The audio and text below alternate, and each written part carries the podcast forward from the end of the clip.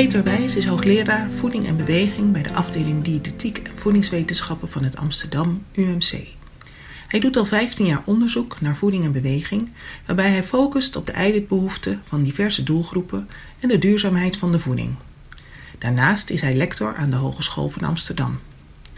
We spraken met hem over zijn loopbaan en de onderzoeken die momenteel lopen. Hierna volgt een samenvatting van het interview. Wil je meer weten? Lees dan het volledige artikel op de website van Voeding en Visie. Mijn lectorale reden had ook als ondertitel Management van lichaamssamenstelling. Dat is eigenlijk een van de dingen die we geprobeerd hebben te doen. En dat was eigenlijk in een tijd dat, dat de meeste mensen daar nog niet zo mee bezig waren. En nog steeds wordt er heel veel gestuurd op gewicht. Waar dat misschien niet altijd even zinvol is. Dus hoe sturen we daarop?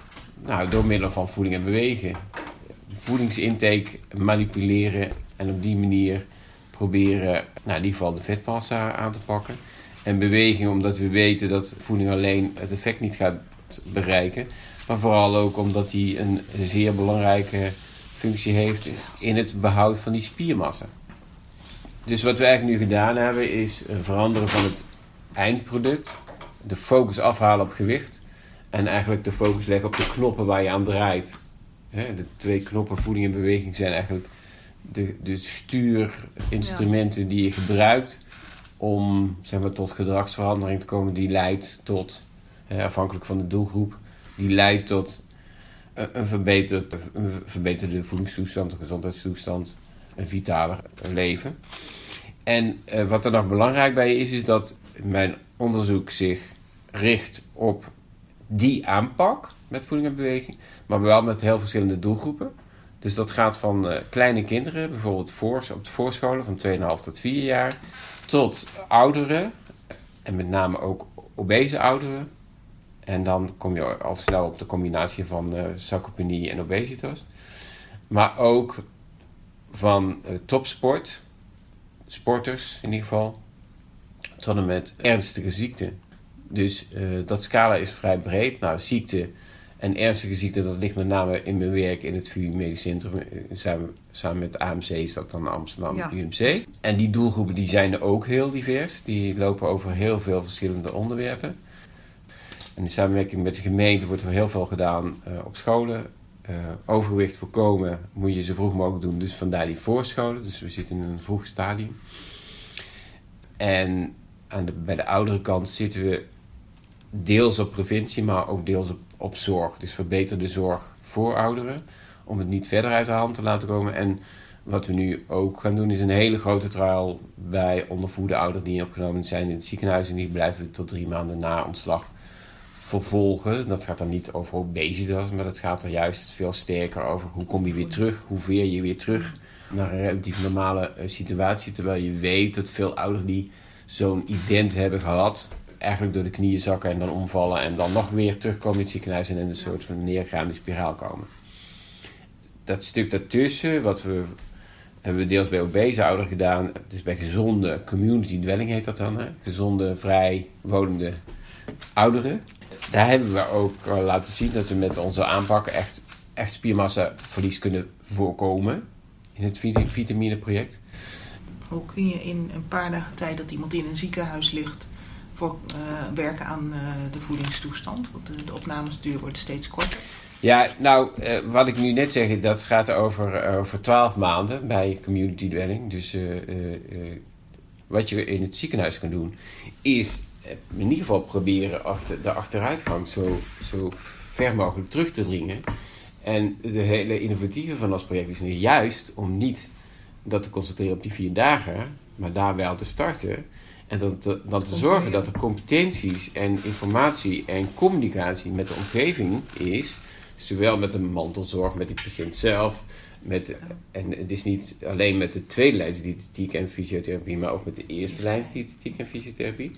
Dat we ze blijven vervolgen. En dat we ze niet weg laten zakken zodra ze zeg maar, ontslagen zijn. Toe, dan is het onze zorg niet meer en dan plumpudding wegwezen. Je moet altijd naar de patiënt kijken. Wat kan je bereiken? En we weten dat als je we zijn het er redelijk over eens dat die eiwitintake verhoogd moet worden om, die omstandigheden. Daar kan ik ook wel een haal verhaal over houden. Maar we, we weten gewoon dat dat met name als je bijvoorbeeld op bed ligt en een lage energiebehoefte hebt, dat je dat dan onder normale omstandigheden niet voor elkaar krijgt met je, in je eentje. Dus daar, daar ga je naar hulpmiddelen zoeken en dan heb je adviezen nodig. En daar, even terug naar het eiwit. Dus dat eiwit hebben we centraal gesteld. Je wil een bepaald doel halen en daar gaan we nu ook voor. En daar gaan we alle middelen voor aanwenden. En ik vind zelf bijvoorbeeld de optie voor supplementen helemaal niet zo gek. Want die drinkvoedingen ben ik echt wel een beetje klaar mee. Die zijn heel goed voor mensen die een hele lage totale intake hebben en überhaupt iets binnen moeten krijgen. Maar mensen die hun eiwitintake niet halen, maar eigenlijk wel min of meer genoeg energie binnenkrijgen, die moet je vooral niet voeren terwijl ze op bed liggen. die, die gaan alleen maar vet aanmaken. En, en daar komt ook dat aspect van het gewicht als uitkomstmaat. Dat kan je niet doen onder die omstandigheden. En dan zou je veel beter inzicht moeten hebben wat patiënten exact nodig hebben op dat moment. En dat hebben we gewoon niet. Je, je, kan nog bijvoorbeeld indirecte calorimetrie bij iedereen doen. Nou, het is niet zo heel erg realistisch. Maar eh, ik denk dat je dus veel gepersonaliseerder moet werken. En waaruit blijkt, onder andere op de intensive care, maar ook op de verpleegafdelingen, dat uh, meer eiwit een positief gerelateerd is met een uitkomstmaat en dat meer energie negatief geassocieerd is met, een, met, een, met, diezelfde uitkomstmaat. Dus die werken elkaar tegen en, en er zijn allerlei redenen om te denken dat, dat, dat daar een fysiologische verklaring voor is. Dat, dat weten we allemaal niet precies hoe het in elkaar zit. Dat vind ik erg leuk om daar in de komende jaren nog eens wat te doen. Maar ik denk dat we daar echt wel een fout gemaakt hebben. Ook vanuit de diëtetiek. Dat we gedacht hebben, oké, als we ze maar gevoed hebben, dan, hebben we het goed gedaan. We zijn natuurlijk veel meer, steeds meer op uh, eiwitten gaan zitten. Maar die energie zit nou eenmaal ook in heel veel producten. En daar moet je toch echt, volgens mij, soms gewoon in terug terughoudend ja, nou, dat, nou, dat overgrens aan uh, eiwitinname. Dat ben ik nog even nieuwsgierig Ja, dat vraagt iedereen. hè? Elke cursus krijgt die... Ja. De richtlijnen vanuit de humane voeding is zeg maar 25 energieprocent.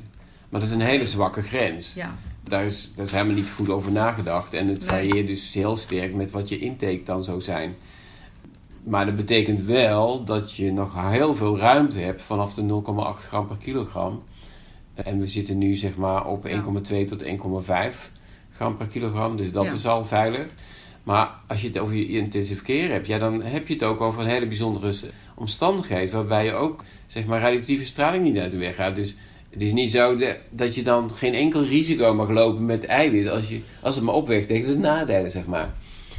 We willen eigenlijk, eigenlijk uiteindelijk veel minder dierlijk eiwit gaan eten. Namelijk ook beter voor het milieu en, enzovoort. En, maar dat, dat staat eigenlijk haaks op het verhaal van dat ouderen kwalitatief hoogwaardig eiwit moeten eten. En vooral veel. Dus... Een van de dingen waar we, waar we op in gaan zitten. Precies oh dat. Namelijk om te kijken van uh, hoe kan je met die duurzame product, eiwitbronnen tot een volwaardig pakket komen die zorgen voor exact dat effect wat je beoogt bij die doelgroep waar je het over hebt. Ja. Dus uh, dat is precies wat wij uh, gaan doen. Er moet onderzoek naar gedaan worden, maar ik zou dat denken, ik heb zelf het idee dat het dus gewoon kan. Dat, dat we daar gewoon even wat slimmer over na moeten denken. Bijvoorbeeld uh, die bronnen gaan combineren. Je krijgt ook steeds meer nieuwe producten op de markt. Hè. We, eh, sinds een paar weken is er één kind heeft bedacht dat hij vegetarisch wil eten. Dus we krijgen allerlei producten tegenwoordig over de vloer. Die we daarvoor nooit. Terwijl we in Wageningen al uh, allerlei sojaproducten aten, is het nu weer ineens helemaal hot op. En je hebt steeds meer producten. En er komt, komt van alles op de markt straks wat je kan combineren. Dus ik heb er echt vertrouwen in dat dat kan. Alleen, het vergt gewoon iets meer organisatie. Dat je weet wat je moet gebruiken om dat uh, effect te bereiken. Ik denk wel dat het kan. Nou, Niet over vegetarisme. Ik heb het over eigenlijk dat, dat dieet noem ik het maar even. Er zit ook een, uh, een hapje vlees in, zeg maar. Al is het wel veel minder. Dus daar, ik denk, dat, ik denk dat dat mogelijk is om die beweging te maken. Uh, maar daar zijn we nog niet. Dit is een verkorte versie van het interview dat Gerdien Lichthart en Majorie Vormer hadden voor het tijdschrift Voeding en Visie. Uit het gesprek met Peter Wijs blijkt dat hij in zijn onderzoek de focus legt op de invloed van de eiwitinname in combinatie met beweging. Dit is belangrijk voor het behoud van de spiermassa bij mensen met obesitas en bij ondervoeding. De eiwitten kunnen uit meer duurzamere bronnen komen, Ook daar zal in de toekomst meer onderzoek naar gedaan worden.